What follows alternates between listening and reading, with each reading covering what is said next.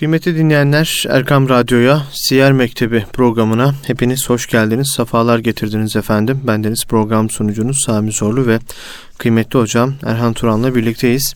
Bu hafta Peygamber Efendimiz sallallahu aleyhi ve sellemin veda haccından sonra Müslümanlara son seslenişi olan veda hutbesi olarak da isimlendirdiğimiz buradaki ifadelerini e, sizlerle paylaşacağız ve buradaki mesajlarından Peygamber Efendimiz sallallahu aleyhi ve sellemin bizlere ne gibi miras bıraktığını, neler bıraktığını, neler söylediğini hocamla birlikte konuşacağız inşallah. Hocam hoş geldiniz, sefalar getirdiniz. Hoş bulduk, teşekkür ediyorum. Sefalar verdiniz. Allah razı olsun. Sizlerden de hocam. Amin. Geçen hafta hac ibadetini bitirdik ve Mina'da Peygamber Efendimiz sallallahu aleyhi ve sellem ibadetini yaptı, ibadetlerini evet. yaptı ve hac ibadetinin nasıl yapılması gerektiğini kendisi de bizzat göstererek bize de öğretmiş oldu ve son olarak da Arafat'ta bugün Nemire Mescidi'nin e, bulunduğu yerde devesinin üzerinde e, meşhur veda hutbesi dediğimiz o konuşmayı evet. gerçekleştirdi.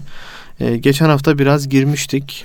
E, Peygamber Efendimiz bu konuşmaya, bu hutbeye başlarken aslında artık bilemiyorum belki de bu sizinle son kez bir araya gelişim, bir daha bu topraklarda tekrar birlikte olamayacağız belki de demiş ve sonrasında o meşhur veda hutbesini irade etmişti. Irade etmişti. ee, Peygamber Efendimiz bu hutbede neler söyledi hocam? Euzu billahi mineşşeytanirracim. Bismillahirrahmanirrahim. Elhamdülillahi Rabbil alemin ve salatu ve selamu ala Resulina Muhammedin el emin ve ala alihi ve ashabihi ecmain. Geçtiğimiz derste Efendimiz Aleyhisselatü Vesselam'ın haccını okurken, konuşurken artık Arafat'taki o artık Mina'dan Arafat'a varıncaya kadar telbiyeler ve sonrasında Arafat'ta beklediği süreçte Neymire Mescidi'nin bulunduğu yerde devesinin üzerinde e, herkes tarafından bilinen o ve meşhur veda hutbesi diye isimlendirilen hutbenin iradını böyle bir giriş yapmıştık. E, vaktimiz yeterli olmadığı için bu haftaya bıraktık.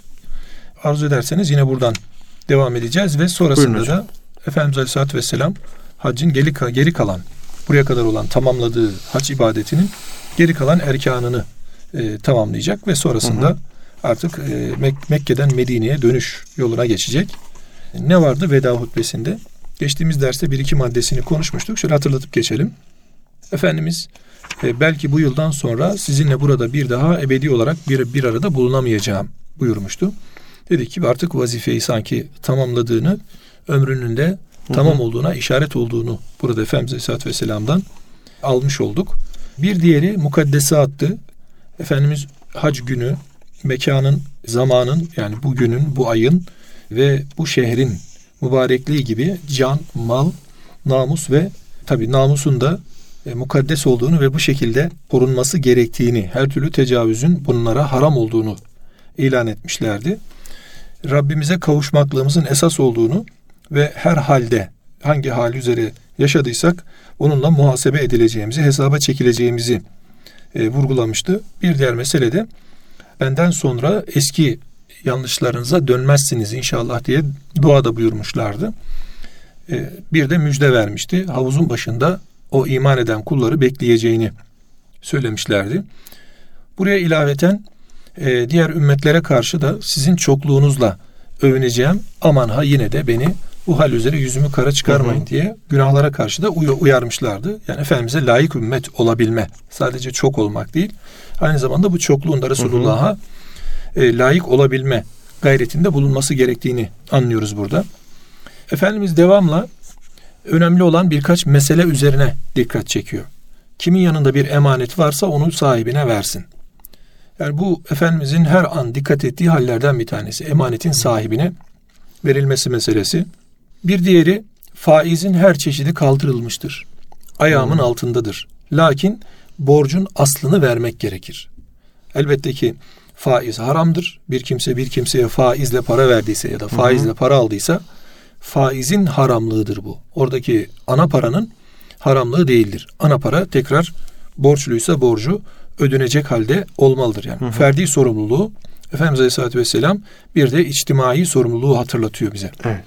Ne zulmedin ne de zulme uğrayın. Demek ki bu faizin durduğu yer burası zulüm kişi faizle para verdiği zaman zulmeden oluyor. Faizle para aldığı zaman da zulme uğrayan oluyor. Hı hı. Bu genelliği edebiliriz. Toplum içerisinde e, insanlara her halükarda zulümden uzak durmak lazım. Bu her halde karşımıza çıkar.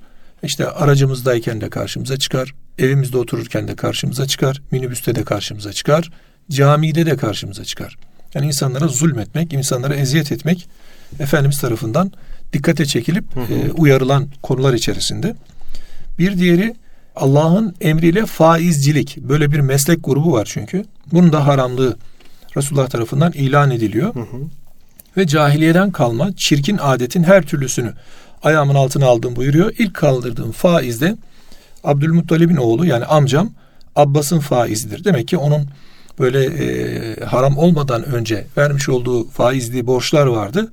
Resulullah Aleyhisselatü Vesselam da e, Kur'an'ın kendisine hükmen faizi haram olan ayetleri burada artık fiilen anlatmış Hı. oluyor, bize izah etmiş oluyor. Ve en güzeli de şu, yakınlarından başlıyor. Yani en yakınlarından bu hali kaldırarak herkese e, misal teşkil etmesi, örnek olmasını sağlıyor Efendimiz Aleyhisselatü Vesselam. Yine kan davalarına dikkat çekiyor Peygamber Efendimiz Aleyhisselatü Vesselam. İlk kan davası da Ceddim yani Abdülmuttalib'in torunu amcazadem Rebia'nın kan davasıdır diyor. Hı hı. Bu da toplumda canın kişiye karşı yani şahsi e, korunmasıyla alakalı bir şeydir. Yani kimse kimsenin e, yükü üzerine değildir. Yani birisi bir kabahat işlediyse o kabahati kendinden sorulur.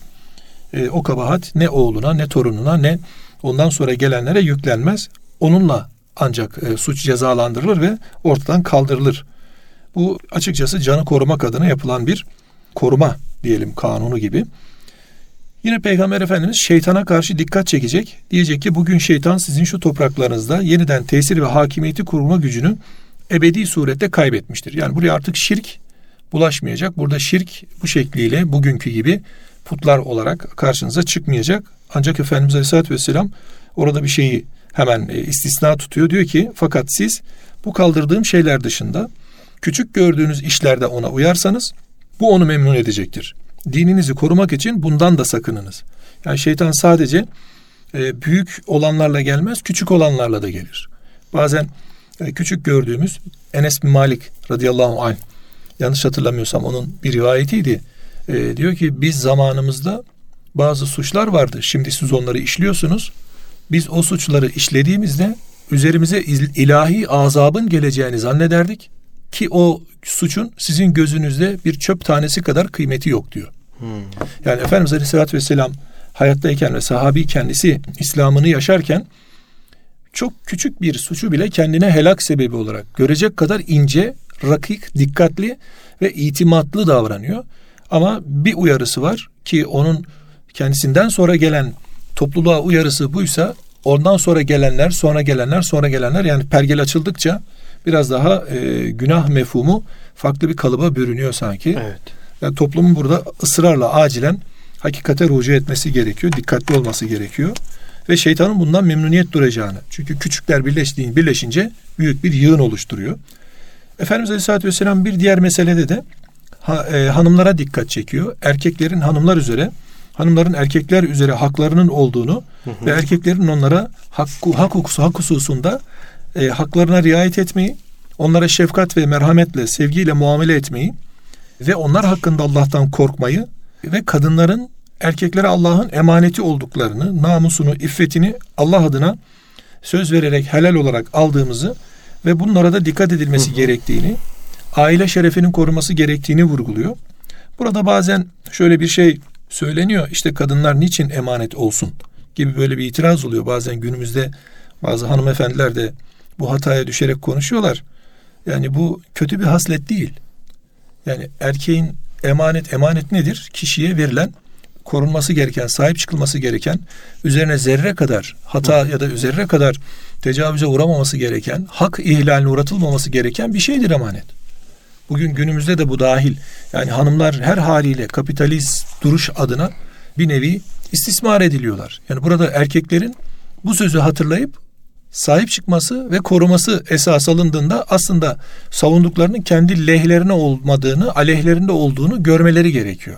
Yani neticede e, emanet korunur. Onların muhafaza edilmesi lazım. Onlara sahip çıkılması lazım. Efendimiz Aleyhisselatü Vesselam kadınların sizin üzerinizde, sizin kadınlarınız üzerinde hakları vardır derken aslında şahıs olarak her iki şahsı da e, aynı şartlara getirmiş oluyor. Burada sadece kadının fıtri özellikleriyle erkeğin fıtri özelliklerinin birbiriyle çakışması konusunda sahip çıkılması gereken önemli olan hususu Efendimiz dile getiriyor. Burada takvanın kalpte olduğunu, o kalbin kadın erkek fark etmez. Kimde olduysa üstünlüğün olduğu olduğunu bilmek lazım.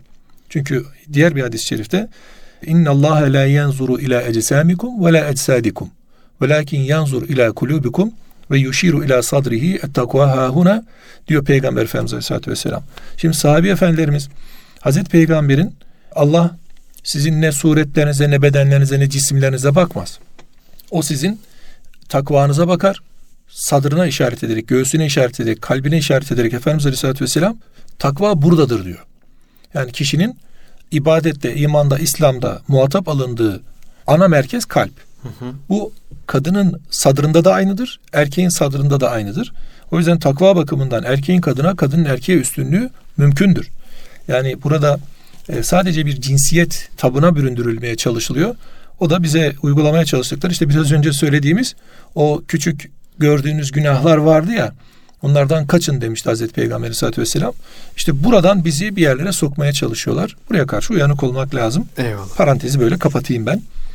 Efendimiz yine kölelere dikkat çekiyor. Hı hı. Onlara eziyet etmeyin. Yine yediğinizden yedirin, giydiğinizden de giydirmeye dikkat edin.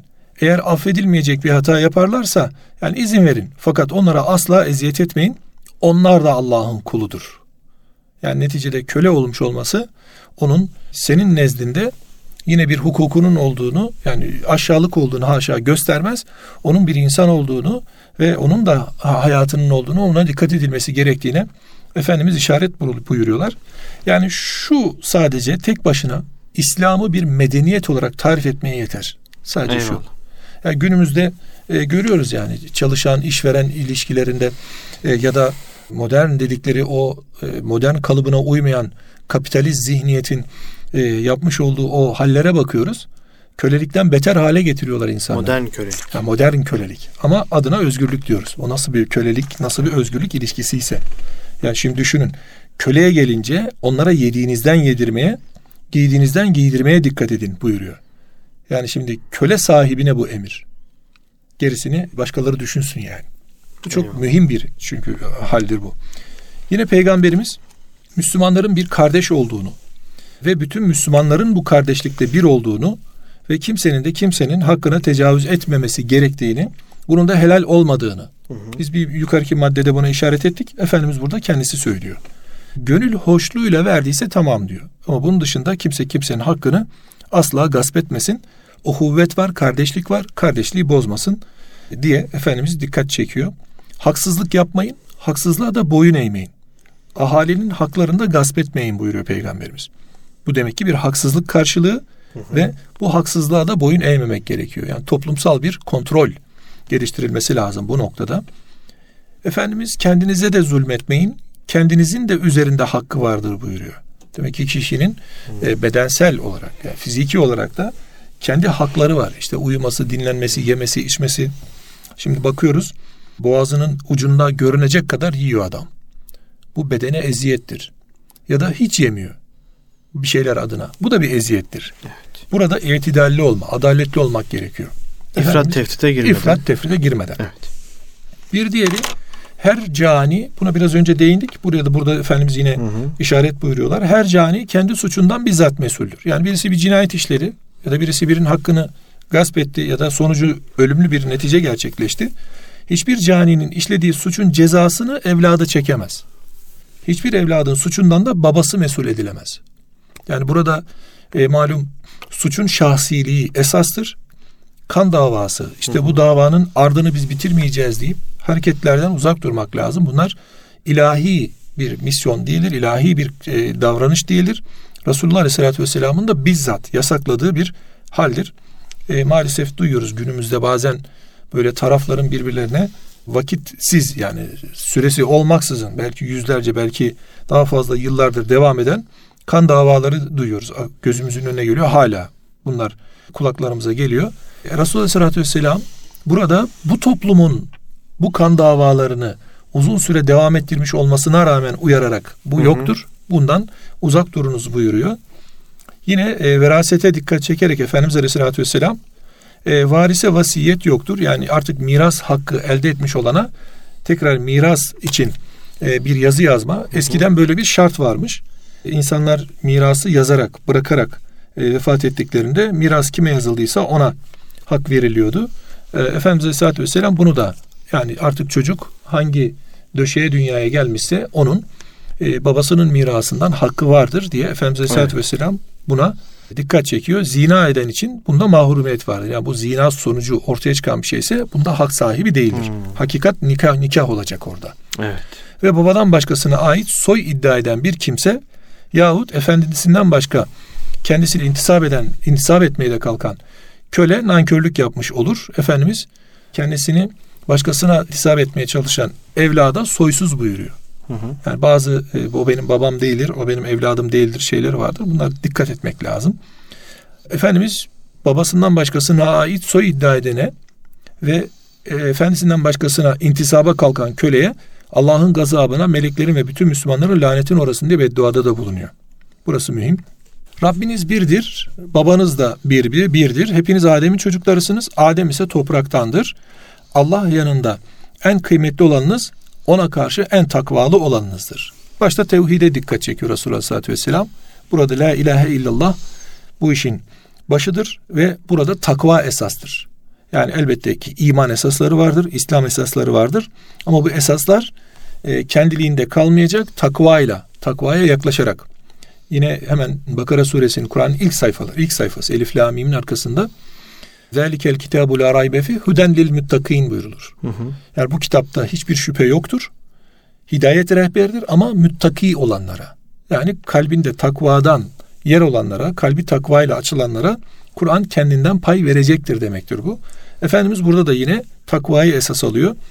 Dikkati çektiği bir yer tarafta üstünlüğün takvada olduğu, Arap'ın Arap olmayana üstünlüğünün olmadı. Yani ırk, nesep, soy, sop, renk vesaire zenginlik, makam, şan, şöhret bunların hiçbirinin üstünlükte yeri yok Allah katında. Üstünlük takvadadır. Bazen Eyvallah. kapıda yatan bir köle e, devletin başındaki efendiden daha takvalıdır, daha kıymetlidir.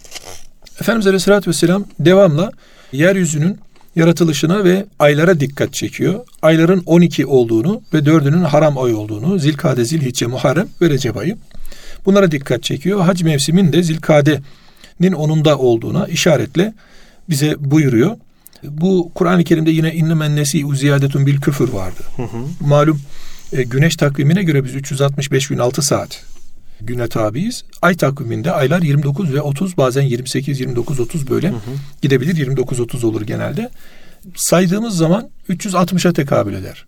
O 6,5-7 gün işte birleştiği zaman 4 yılda ya da 3 yılda 4 yılda ay atlatır. Araya sanki bir ay ilavesi gibi olur. O ilavede de insanlar birbirine zulmediyorlar.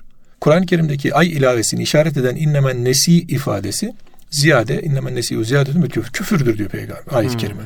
Efendimiz Aleyhisselatü Vesselam da burada haram ayların hangisi olduğuna. Bu ayetle alakası nedir? Eğer ay ilave edilirse o zaman Zilkade, Zilhicce, Muharrem bir ay daha ilave ediliyor. O ay helal ay harama döndürülüyor. İnsanlar e, bu ayda üzerimize bir musibet gelmeyecek güvencesiyle, haram aydır güvencesiyle geldiklerinde aslında toplumun gasp edebilirsiniz hmm. gibi algısına ulaşıyor ve orada bir hak gaspı ortaya çıkıyor. Buna mani olmak aslında. Evet. Diğer tarafta Efendimiz Aleyhisselatü Vesselam sımsıkı sarıldığınız müddetçe yolunuzu şaşırmayacağınız Allah'ın kitabını emanet olarak size bırakıyorum buyuruyor ve ibadetleriniz yalnızca Allah'a beş vakit namazınızı kılın, Ramazan orucunuzu tutun, benden gelen emirlere itaat edin ki Rabbinizin cennetine vaat ettiği cennetlere girebilesiniz diye. Burada yine dikkatle ifrattan sakının, tefritten sakının. Çünkü sizden önce bazıları ifrat ve tefritlerinden. Buradaki ifrat tefritten kastımız sivri uçlar. Yani ne çok az ne çok fazla. İrtidal yani İslam'ın en güzel verdiği haldir bu hac ibadetini benden öğrenin. Yine işaretle belki bundan sonra sizinle tekrar buluşamayacağım diyor Peygamber Efendimiz Aleyhisselatü Vesselam. Bir ilavesiyle burada bulunanlar benden bu duyduklarını burada olmayanlara aktarsınlar buyuruyor. Hı hı. Bu da bizim e, hadis ilimlerinde özellikle ilmin aktarımına delillerden bir tanesidir. Bilgi bizde kalmayacak. Bunu insanlara emri bil maruf ve nehi anil münker çizgisiyle iyiliği emir kötülükten sakındırma çizgisiyle insanlara anlatmakla mükellefiz. Evet. Bu şekilde Efendimiz Aleyhisselatü Vesselam veda hutbesini bitiriyor ve ardından şehadet alıyor. Evet, ben bunları hocam, yapmakla hı. size tebliğde bulundum mu? Eyvallah. Bulundun ya Resulallah deyip Efendimiz üç defa Ya Rabbi sen şahit ol, hı hı. sen şahit ol diye ellerini kaldırıp dua edip hutbesini bitirmiş oldu. Evet. Hocam veda hutbesinde Peygamber Efendimiz ilk sözden sona kadar hep muamelatla ilgili evet. tebliğde bulunuyor. Evet. Yani işte faiz yemeyin, evet. hak yemeyin, e, hanımefendilerin haklarını evet. e, beyefendiler, beyefendiler haklarını hanımefendiler korusun. İşte kan davasını ortadan kaldırın, evet. mirasta e, hak yemeyin gibi birçok evet. programımızın başından itibaren sıralıyorsunuz. Birçok muamelatımızı ilgilendiren, hem beşeri, hayatımızı, hem beşeri ilişkilerimizi ilgilendiren yani, evet. konuları anlattıktan sonra artık son olarak size emanet olarak bıraktığım dine sıkı sarılın ve evet. hac, namaz, ve diğer ibadetlere de sıkı sıkı sarılın diyor. Niye ilk önce namazınızı kılın değil de ilk önce muamelatla ilgili e, bu hatırlatmaları yapıyor Peygamber Efendimiz sizce? Şimdi hocam inne salate tenha anil fahşa buyuruluyor. Evet. Yani Kur'an-ı Kerim namazın insanları fuhşiyattan, yanlıştan, hatadan hı hı. E, ayetler bize koruyacağını buyuruyor. Şimdi bir insan namaz kılar, bir insan Allah'a yaklaştığını namazla görür de bir de tabi ilaveten şunu da söyleyeyim mesela yine fevellülül musallin buyuruluyor. Hı hı. Yani namaz kılanların vay haline buyuruluyor. İşte bu namaz kılanlar ve namazların fuhşiyattan alıkoyması yan yana konduğunda biz namaz kıldığı halde yine bazı kötü hasletleri kendi üzerinde barındıran biraz önce saydığımız o maddeler içerisindeki hasletleri barındıran kimselere izafeten yani onlara cevaben fevellil musalli vay kıldığınız namazların haline.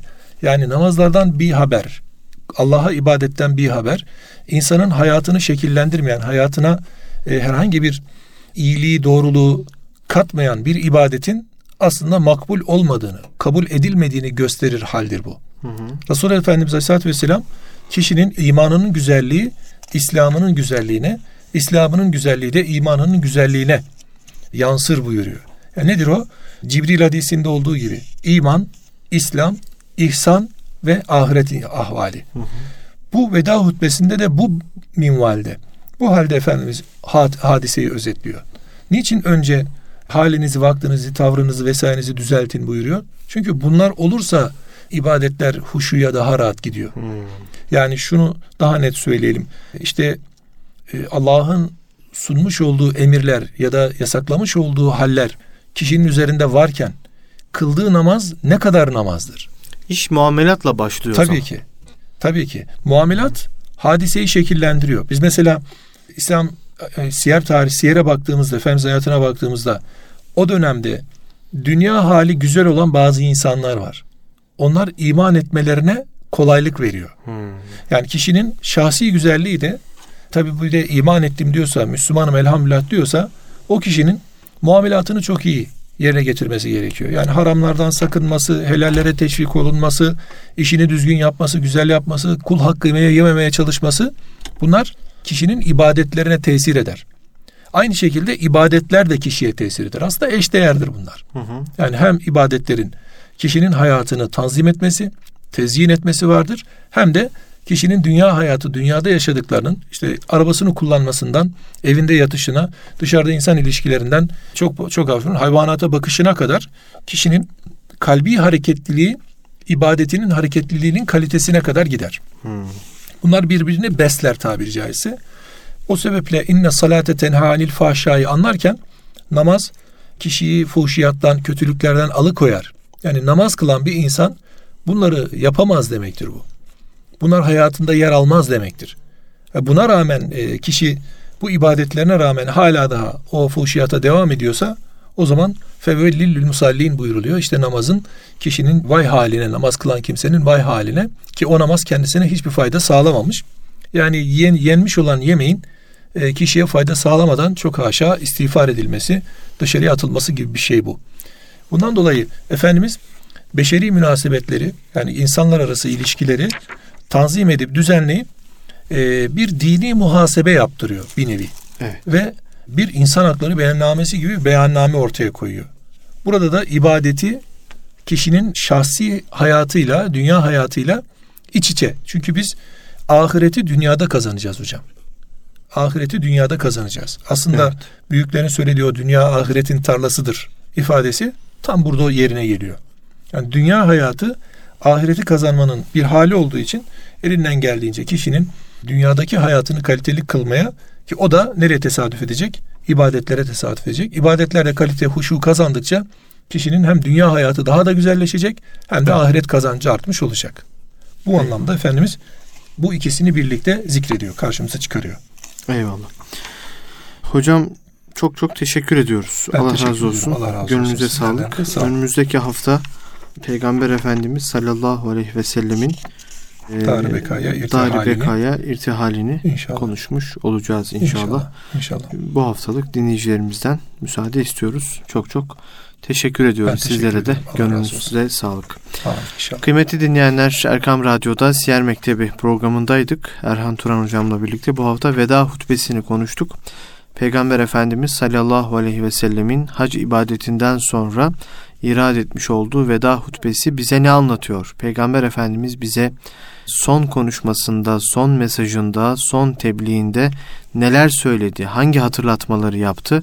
Bunları kıymetli hocamız Erhan Turan'dan dinledik. Haftaya yine Siyer Mektebi programında birlikte olacağız. Allah'a emanet olun efendim.